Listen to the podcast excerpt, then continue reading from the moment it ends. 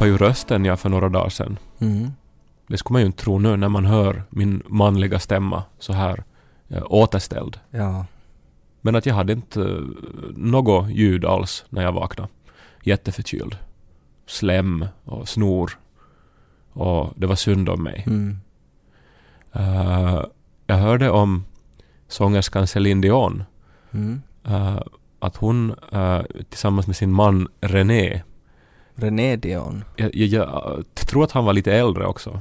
Alltså hon, hon, hon, hon, alltså hon hade en betydligt äldre man Mm. som var rik. Statistiskt sett så är ju karln äldre än kvinnan. Ett Eh, heterosexuellt förhållande. Så det är ju, du kan, du kan, alltså jag menar bara att du kan med gott samvete säga att han var äldre. För det är stor chans, även om du inte är 100% säker. Vet du vad eh, den statistiska skillnaden i ålder mellan eh, två eh, män i ett registrerat parförhållande? Säkert mycket mer än ett heterosexuellt förhållande. Jag skulle tippa kanske någon så här 20 år eller någonting. Ja, exakt. Ja. 20 år och några månader. Mm. Eh, av en händelse exakt åldersskillnaden mellan mig och Niko. Se där. Så vi är ju som så jävla, liksom, vet du, enligt normen. Mm. När vi trodde att vi var så udda och häftiga. Mm. Så är vi helt enligt mallen. Mm. Tillbaks till Céline Dion. Yes, jag är där igen. Du känner till denna sångerska? Ja, hon är väl mest i Las Vegas nu för tiden. Ja. Stor röst. eh, så här krävande sånginsatser är hon känd för. Mm. Eh, och när hon är då på turné så då vill hon ju spara på sin röst. Mm. Så då när hon saknar då René så hade hon och René utvecklat ett eh, språk. Att eh, hon alltså klia på telefonluren på olika sätt. Klia på telefonluren. Alltså skrapa på den. Men, och- alltså när du säger telefonluren, menar du Renés penis då? Jag menar att eh, Celine är ute på världsturné och ringer med en riktig ja, telefon. men det måste du säga. Nej men du ska inte gå nej, men genast för, nej men för jag ser ju att de är hemma hos sig och så går hon fram till en sån här gammaldags så här snurrtelefon och så börjar hon med sina manikerade eh, naglar skrapa på det som en sorts morsekod och så ska René då komma med en smörgås eller vad det är frågan om. Nej men det var ju typ exakt så det var. Bara att hon då var på turné Ja, eh, och ville ju förstås prata med sin älskade René. ja. Men hon ville spara på rösten. Men det är ju, så hon utvecklar då någon sorts skrapsystem. Mm. Så, men- men det är ju genialiskt tycker jag. Och jag var ju helt så här att, fast ska jag ta mig till nu då om jag inte har någon röst så, så måste ju jag också kunna Tycker det låter otroligt suspekt det där ja, att det är något skrapsystem. Hon Ja. var ju otrogen. Hon hade ju typ köpt en papegoja eller någonting som satt där och skrapade med näbben på luren. Och så satt René då och trodde att han pratade med Celine. Men så var det en nymfparakit. Nej men inte kan ju nu parakiten kommunicera, de hade ju ett språk. Nej, men hon, ja men hon kan ha satt något typ jordnötssmör på luren eller någonting. Ja, men det var säkert var det då vet du att, att, att tre skrapningar då, om jag nu får försöka så, så här då. Jag älskar dig. Och jag saknar dig. Ja, men det där, du, du skrapar ju precis likadant. Nej, det första var Ja, två. men det är helt... Det är helt uppenbart att René hade Åh. ingen aning om vad hon menar. Att han bara, bara var sådär att jo, jo, jo. Jag tyckte att det var en rörande historia om eh, liksom hur man eh, kommunicerar eh, även under svåra förhållanden. Man, man tar det man har till hands, för det är så viktigt att få nå fram till en annan. Jo. I'm your lady You are my man boen Pormo på Österbottning som talar sitt så popna popcorn så bredvid popnöderna popcorn så bredvid lys på Ted och Kaj påstods i en tidningsartikel i Helsingin Sanomat i veckan att det varje år i Finland skrivs en halv miljon eh, sidor skönlitteratur som ingen vill publicera. Mhm. Och det kändes ju hisnande att uh, skrivs det så mycket där ute. Uh, vilken, vilket behov av att uttrycka sig och kommunicera som det finska folket tydligen har. Och eh, sen också hur lite det är som sen faktiskt blir till böcker Mm. och som andra då har möjlighet att få läsa. Och det gör ju en som författare förstås ödmjuk då, att man har fått ge ut några böcker så är ju alldeles fantastiskt i det där ljuset. Och så här. Men uh, vad mycket som blir oläst. Ja, då ska du tänka att det där är ju säkert bara baserat på det som har faktiskt skickats in till förlag. Att det finns ju säkert uh, dubbelt mer, mer än dubbelt mer, som aldrig skickas in, utan som bara skrivs Förmodligen. och blir kvar i lådan. Så läste jag uh, i samma tidning så var det en, uh, en intervju med idrottsinstruktören Tove Jansson. Jaha. Och då kopplade jag förstås ihop de här då och så blev det en sån här sliding doors äh, grej. Att, äh, att vad om Tove Jansson aldrig skulle ha blivit upptäckt för sitt skrivande? Alltså det här var en idrottsinstruktör som råkade heta Tove Jansson? Precis. Okej. Ja, det var helt en slump. Ja, Men min hjärna kopplade ihop de här. ja. Det är, alltså, hon hette ju Tove Jansson, precis som författaren. Ja, Så det är inte liksom... men vet du, eller som det bara blev så här att, att så skulle det ju vara då. Mm. Om Tove Jansson då aldrig skulle ha då blivit utgiven. Mm. Hon kanske levde i ett heterosexuellt förhållande och så satt hon då och ritade sina Mumintroll och så kommer hennes man in som ser exakt ut som Uno Turhapuro och så säger han att vad har du nu ritat för jävla troll igen? Skaffa dig ett riktigt arbete, far ut och jump. Mm. Och så far hon ut och jumpar istället för att han har krossat hennes drömmar. Mm. Hon kanske sliter sönder, kanske slänger Mumintrollen i brasan. och någon gång så kanske Helsingin Sanomat ring, ringer och vill intervjua en idrottsinstruktör. Mm. Och då är hon då där i tidningen. Mm. Men hennes namn väcker inga associationer hos någon. Nej. Eh, och eh, så kunde det ha gått. Ja, så kan det ju vara med oss också. Det kan ju hända att vi skulle, skulle kunna vara otroligt bra på någonting. Men det blev inte så. Istället sitter vi här. Jag har ju, tror jag, en massa karriärer i mig ja, Mm. som, som jag skulle enkelt kunna, eh, alltså inte enkelt, men som jag skulle vara kapabel att, eh, att förverkliga. Ja, det är nog de flesta. flesta människor. Ja, men jag, jag tror att jag är ganska bra på väldigt mycket. Det tror jag de flesta människor också tror. Ja, men det är de inte. Alltså, de Nej. tror det. Men Men du vet. no, jag har det i mig. Ja, du är bra i skolan och sådär. Ja, Mm. bra betyg. Mm. Uh, framåt. Lång är du och Lång. Och, kunna jobba som eh, en sån där som plockar ner saker från höga hyllor. saker jag skulle kunna bli. Ja. Läkare. Mm. Uh, var nära att bli läkare. Eller så här söka mig till det yrket. Du var ju livrädd för läkare när du var barn. Nej, det var jag livrädd för kirurger när jag var barn. Just det. Porrskådis. Porrskådis? Ja.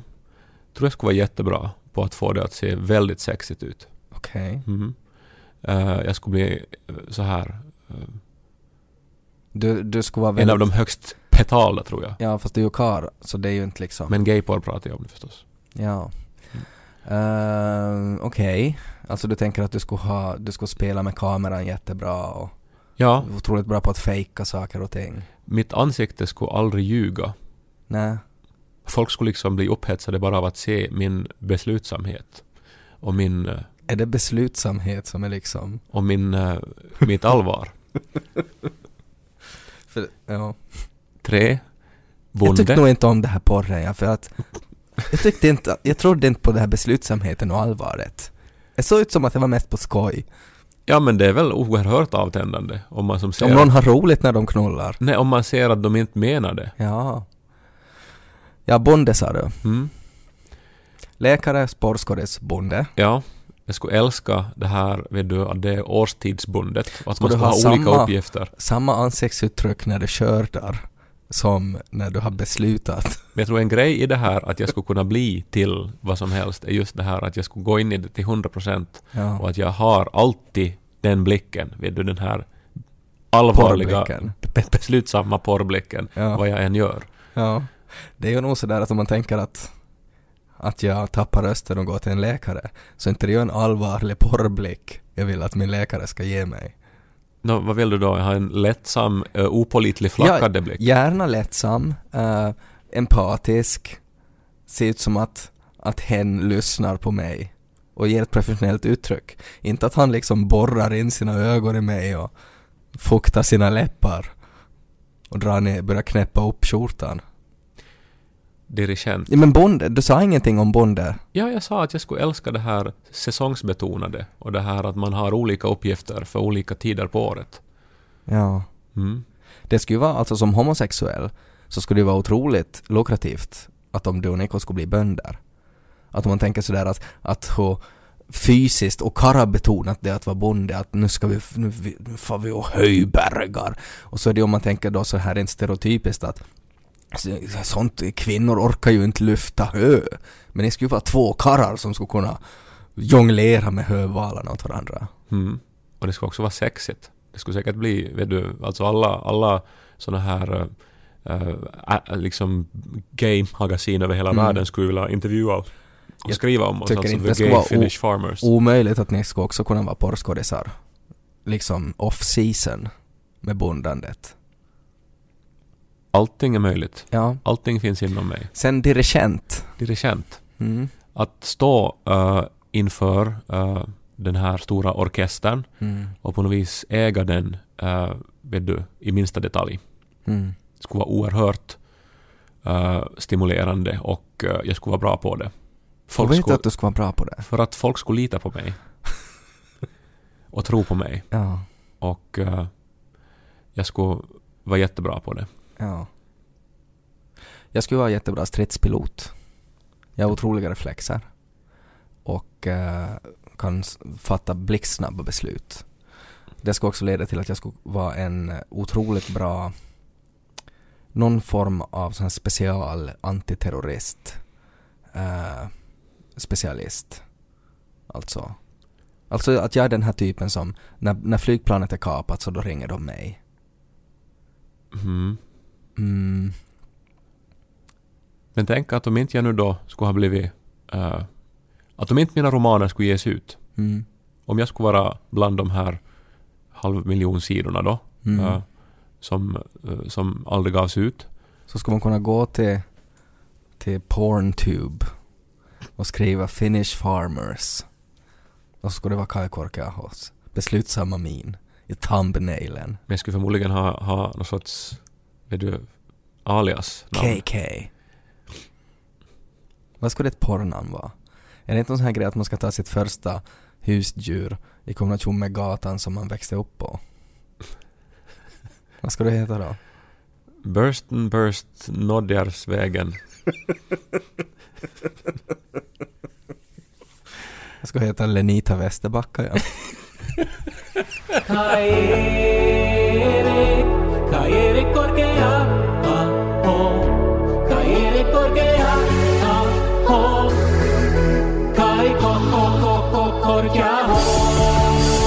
Du att i Japan eh, så tog det jättelänge tills de uppfann bröd? Jaha, vad hade de istället då? Ja, det vet jag inte. Jag tänker, bröd är ju så viktigt. Kanske hade de sätt. pinnar som de satt smör och korv och ost på. Men som när de for på picknick Ja, och, och så skulle man ta med sig något. Ja. Så vad tog de istället då? Smörgåsar? ris. Ris och sushi och en fisk. Ja. Jag har ingen aning. Jag, faktiskt. Det var, inte, det var inte alls det jag skulle berätta om. Utan bara att det tog väldigt länge tills de eh, kom i kontakt med bröd. Faktiskt. Eh, 1543. Va? Ja. Det är ju nästan nutid. Ja, vem tror du det var som kom dit med bröd då? Nå, kanske var det någon bagare från, från, eh, från Norden? Det var en portugis. Portugiserna. Så de kom med bröd. Och det är därför ordet pan, som är alltså bröd på portugisiska, det är också bröd på japanska. För det är därifrån det kommer. Men tänk hur skeptisk man måste vara om man har ingen aning om vad bröd är. Och så kommer det då en portugis och så är de sådär Hej, kom med. Kom med, jag ska, vis- jag ska visa dig någonting, kom med. Och så är man såhär, vad är det nu? Har du någon sushi eller något? Och så har de då att, att kolla under, under den här handduken där. Så vad är det där? Och så öppnar de då. Och så de bara, vad vet se, vad är det där för äckligt? Det är bara någon geggamoja. Och så är de så här att, sätt det i ugnen. sätt det i ugnen. Varför ska jag sätta det där äckliga i ugnen? Så lägger de det i ugnen och så bara sitter de där och tittar och bara what the fuck, alltså det hårdnar, det blir brunt, det doftar gott. Vad är det där för magi? Och så är de sådär att nu är det färdigt, ta ut det. Och så är de sådär, okej, vad ska vi, är det som en prydnad nu då? Vad ska vi göra med det här? Och så säger han, ät det. Sätt det i munnen. Ja, Och, och så smakar de på det och så är det jättegott. Och så är de sådär att, hur får vi mer av det här? Och de, vet du det är bara vatten och mjöl och lite jäst. ja. Uh, vilken fin berättelse. Men vad sjukt det skulle vara. Ja, men jag tycker att det är lite synd att, att vi inte får vara med om såna här... Nej men det är ju just, alltså det som jag skulle komma till var att så här kommer det att vara, exakt så här kommer det att vara när aliensen kommer.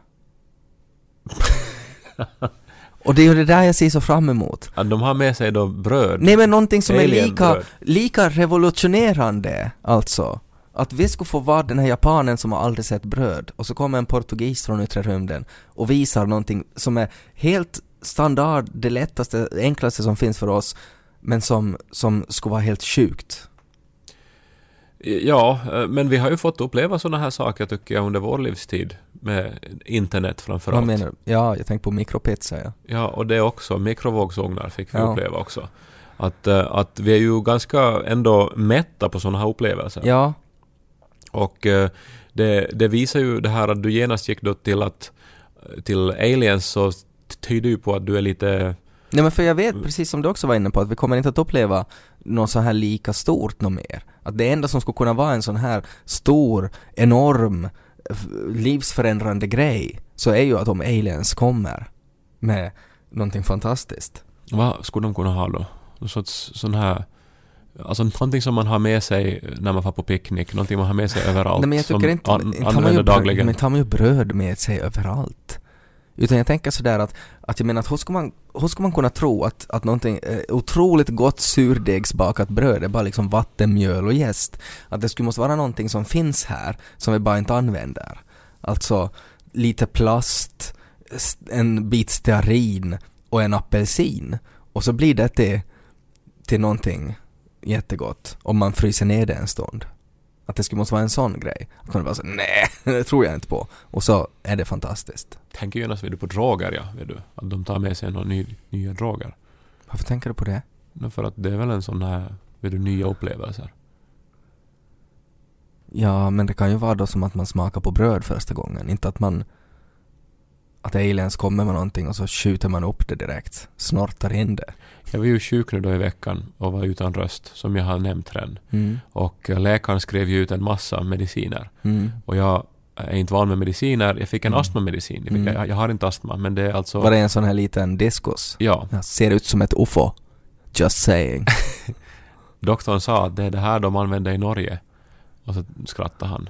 Jag vet inte Jaha. varför han tyckte det var roligt. Hade han sett Skam då? Nej men alltså de här norska skidåkarna som blev fast för Ja. doping, de hade använt just det här. Okej, det är lite oroväckande. Och, men för mig som aldrig har tagit astmamedicin förr så var ju det här en, en nästan just en sån här brödupplevelse. Mm. Att jag, att jag gjorde som det stod och sen plötsligt så var det som att det gick lättare att andas än jag hade upplevt i hela mitt liv. Mm. Jag, jag, har ju inte astma men som sagt det är bra när man ska uh, sjunga och så, så kan, det, Mm. så kan astmamedicin vara eh, till hjälp Mm. när man är sjuk. Och eh, det, det, var- det var en stor upplevelse. Ja. Att, att, eh, så Men tror du det, det är en lika stor upplevelse som när japanerna smakar bröd första gången? det var motsvarande sak. Saker hände som man aldrig kunde tro Ja. att skulle hända.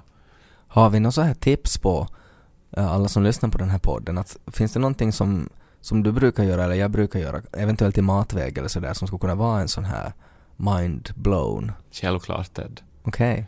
Uh, majsmjöl, vatten, olja och flingsalt.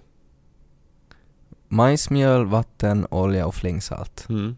Vad blir det till då? När man eh, blandar ihop allting och så plattar man ut det och så blir det världens bästa glutenfria knäckebröd. Så lätt att göra. Alltså jag skulle så vilja prata om din monitor Ted. Och jag vet inte, vi har ju försökt eh, nu spela in, alltså vi har eh, gjort några omtagningar här när vi har försökt prata om din monitor. Men problemet som finns här med att prata om den här monitorn är att Kai inte lyckas verbalisera vad grejen, vad, vad hans issue med min monitor är. Alltså en del av de här tagningarna som vi har, som vi har raderat till den här inspelningen så har ju slutat med att jag har gapskrattat. Ja, du har bara skrattat och sagt att du vet inte vad det är, du vet inte vad det är och så har jag sagt sådär, men du måste ju säga vad det är. Men, och, men eh, jag tror att om jag lyckas beskriva vad det handlar om så då måste jag inte eh, liksom klä i ord exakt vad det är som är roligt utan alla kommer att förstå. Ja. Nå, Ja. Ska, ska, ska jag berätta eller ska du berätta? Nå, om du nu först drar liksom bakgrunden till vad det är som har hänt. Mm. Jag har en stationär PC-dator. Jag jobbar på den, jag spelar på den. Um, Du är en av de få som jag känner som ännu har stationär dator hemma. För alltså, jag tycker det går ju mer och mer mot vet du, mindre och mindre eh, apparater. Och sen så har man knappt en dator längre för att man gör allting med sin Mm. telefon. Men det är ju för att du inte umgås med människor som spelar. Precis. Så det är en spelgrej. Mm. Och när jag säger monitor nu så menar jag förstås skärmen. Inte alltså sån här högtalare som används av musiker som Kai var också inne på, kanske tre tagningar med det här. Utan en skärm, en PC-skärm. Den gick sönder, min skärm. Jag var tvungen att, att uh, köpa en ny helt enkelt för att jag behöver använda datorn. Jag använder den till exempel när jag klipper den här podden och jag använder den ibland när jag spelar. Är det som så här, vet du, att alltid när det släpps en ny modell av de här populära smartphonesen så då eh, rapporterar försäkringsbolagen att antalet olyckor med äldre telefoner eh, ökar markant. Nej, det är inte så. Så här att nu så råkar det komma ut då en ny sorts skärm på marknaden då. Nej. Och så av en händelse följde kaffe på den här. Nej, det är nog inte så. För att jag, jag är inte i den ekonomiska positionen att jag bara skulle kunna förstöra teknik för att få köpa nytt. Ted, nu pratar jag om försäkringsbedrägeri alltså. Ja, nej. Ja, Det är, inte- det är, jag, jag sysslar inte med det heller. okej. Men intressant att du tänkte på det. Nå, men du skaffar sen en ny skärm. Jag skaffade en ny skärm och så funderade jag då att okej, nej men nu ska jag köpa en bra skärm. Det har kommit de här nya skärmarna som har en väldigt hög klockfrekvens. Om nu då jag får ta över lite här nu då. För att då när jag kommer hem till Ted och ska, jag har med mig bulla och ska, och ska överraska Ted och hans sambo och Teds bror som också råkar vara på plats Mm, eh, med bulla. mm. Men det är knappt att jag ryms in i det här rummet för att eh, nu plötsligt så hade, hade ha, ha en ny eh, farkost Börjar, du redan skratta? en, en sorts, alltså nå- någon sorts farkost eller, eller så, alltså en, en vet du, någon sorts altare har anlänt som gör att man inte riktigt ryms in i ett vardagsrum. Och eh, det, det, det är väldigt så här glansigt och metalliskt och det tar ju upp st- största delen då av rummet och det, vet du, den, den kurvar sig, vet du, sträcker sig ut i rummet också. Eh, så att när man är framför den så är man som helt omsluten av den. Och eh, den, den har en sån här egen ställning som man kan justera och, vet du, åt alla möjliga olika håll. Mm. Och eh, Så lyser den också. Du brukar, du brukar tycka det är roligt att den lyser också. alltså, den, det, det, är ju en, eh, alltså det är den mest eh, nischade produkt jag har sett i mitt liv. Alltså, alltså, alltså den är skapt eh, av de här teknikbolagen just för Ted Forsström. För det här är exakt vad du går igång på. Det är alltså en, en, eh, en ultrawide monitor, den är 35 tum, eh, som kurvar sig lite för att den är så bred. Eh, den är eh, 200 hertz, vilket gör att, att den eh, det, det, det är väldigt mjukt och skönt för ögat att se på det. Uh, jätte en fröjd att spela på och också väldigt bra när man jobbar. Att det är ungefär som att ha två monitorer men estetiskt är det mycket snyggare. Ja. Och av någon anledning så tycker Kaj att det är jätteroligt. Den är lite bredare än min förra skärm. Men den är som, vet du, man ser på hur den ser ut att det här är ju just nu. Att det här kommer aldrig att liksom bli, bli, vet du, standard. Nej, Det, det, varför ska det måste bli Nu standard? närmar jag mig eh, din kärna här. Det är ju också när, vet du, när det kommer en ny sorts chips så är du genast där och prövar. Ja men det har Och väl, det liksom- chips har väl ingenting Oj, nu har de med liksom lever och gräslöks... eh, Jag skulle smaka på lever och gräslök. Självklart, men man hör ju redan på det att det inte kommer att stick Nej, around för att, det inte för kommer att vet vara du hur man heller. tänker? Man tänker sådär, om det finns en hel jävla fabrik där de har gått igenom alla de här filtrerna för att en produkt ska ges ut, så då måste ju lever och gräslök vara jättegott. Inte skulle de ge ut en dålig produkt, tänker man. Och samma är med, med den här skärmen då. eh, som, som man har gjort, vet du, så här abnormt eh, liksom stor och komplicerad för att den ska verka häftig. Och Men så- igen är det intressant att du säger att den ska verka häftig.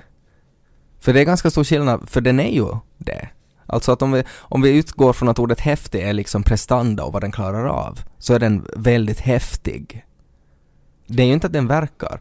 I tidigare också som vi har raderat här så var att Kaj jämförde det här som att de köper solglasögon från TV-shop.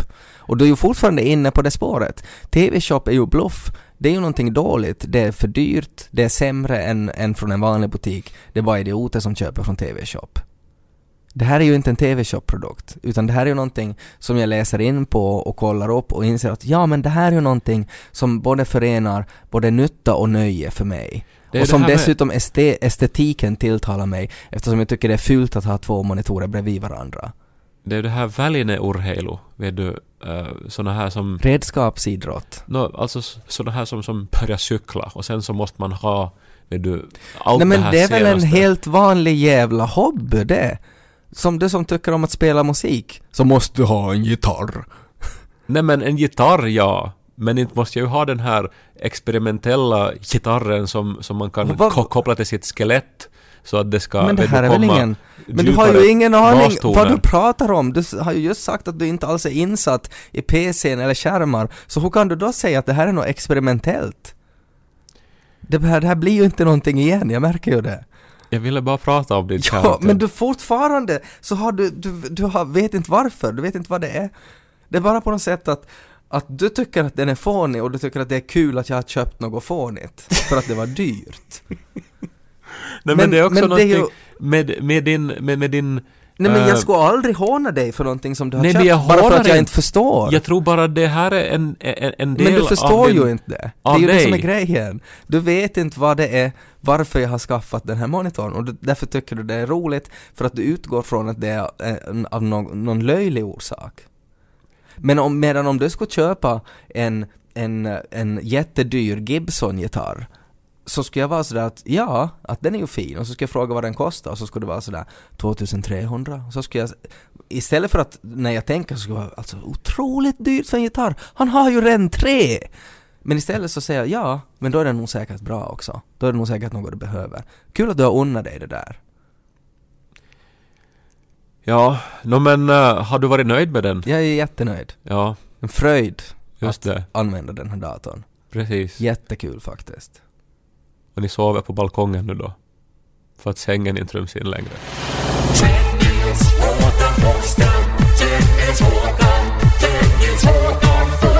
Okej, jag kanske då misslyckades med att sätta fingret på Ted Forsströms själ när det handlar om den här monitorn. Men eh, jag har uh, pillbevis på en annan del av, av din själ. Eh, jag bjöd ju på runebärstårtor. Mhm. Eh, min favoritbakelse. Alltså det gör finten värt att leva genom Mm. för mig. Mm. Jag blir alltid överlycklig när jag inser att nu snart är det dags. Ja. Och sen så äter jag så många och vet du, med olika eh, sylt och olika sån här eh, vad heter det, dränkning.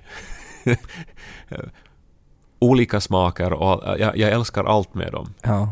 Och nu hade jag då triumferande hittat runebärstårtor, kanske årets första, Mm. som jag då presenterade för dig. Mm. Och du var oj, tack. Mm. Sen drack vi kaffe och, och sen så for jag ut eh, ett tag.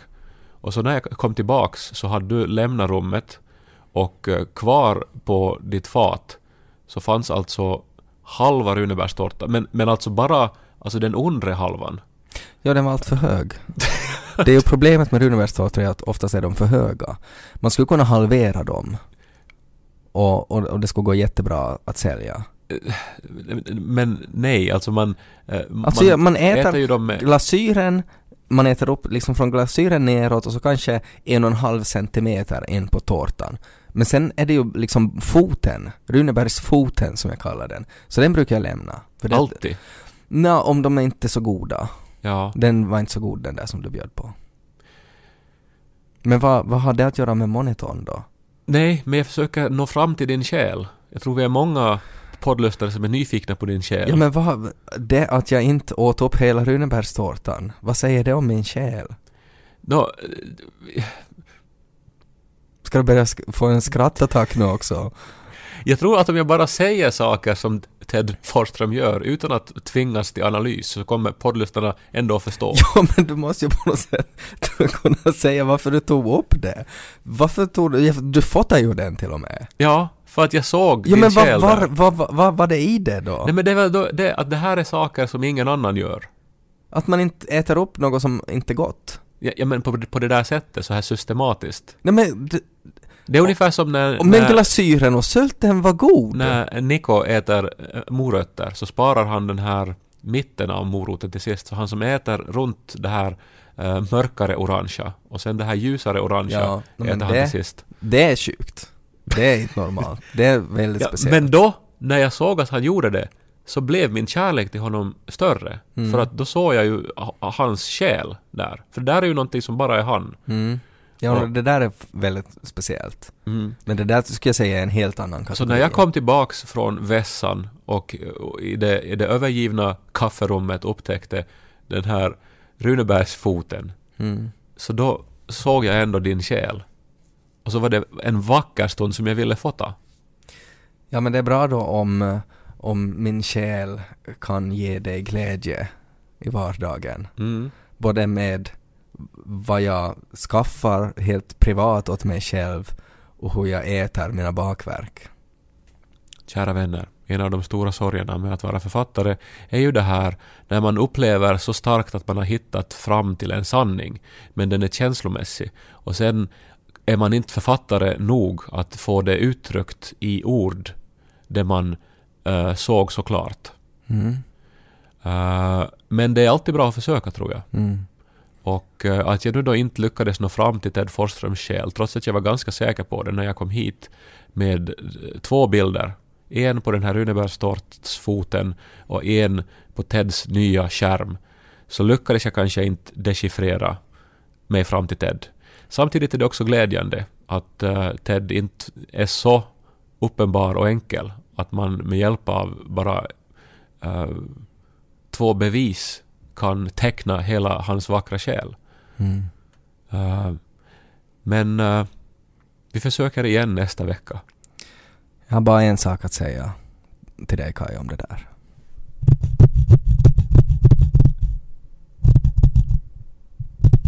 Det här är det finaste du någonsin har sagt till mig Ted. Ted Dokaj, Ted Dokaj, Ted Dokaj. Ted Dokaj.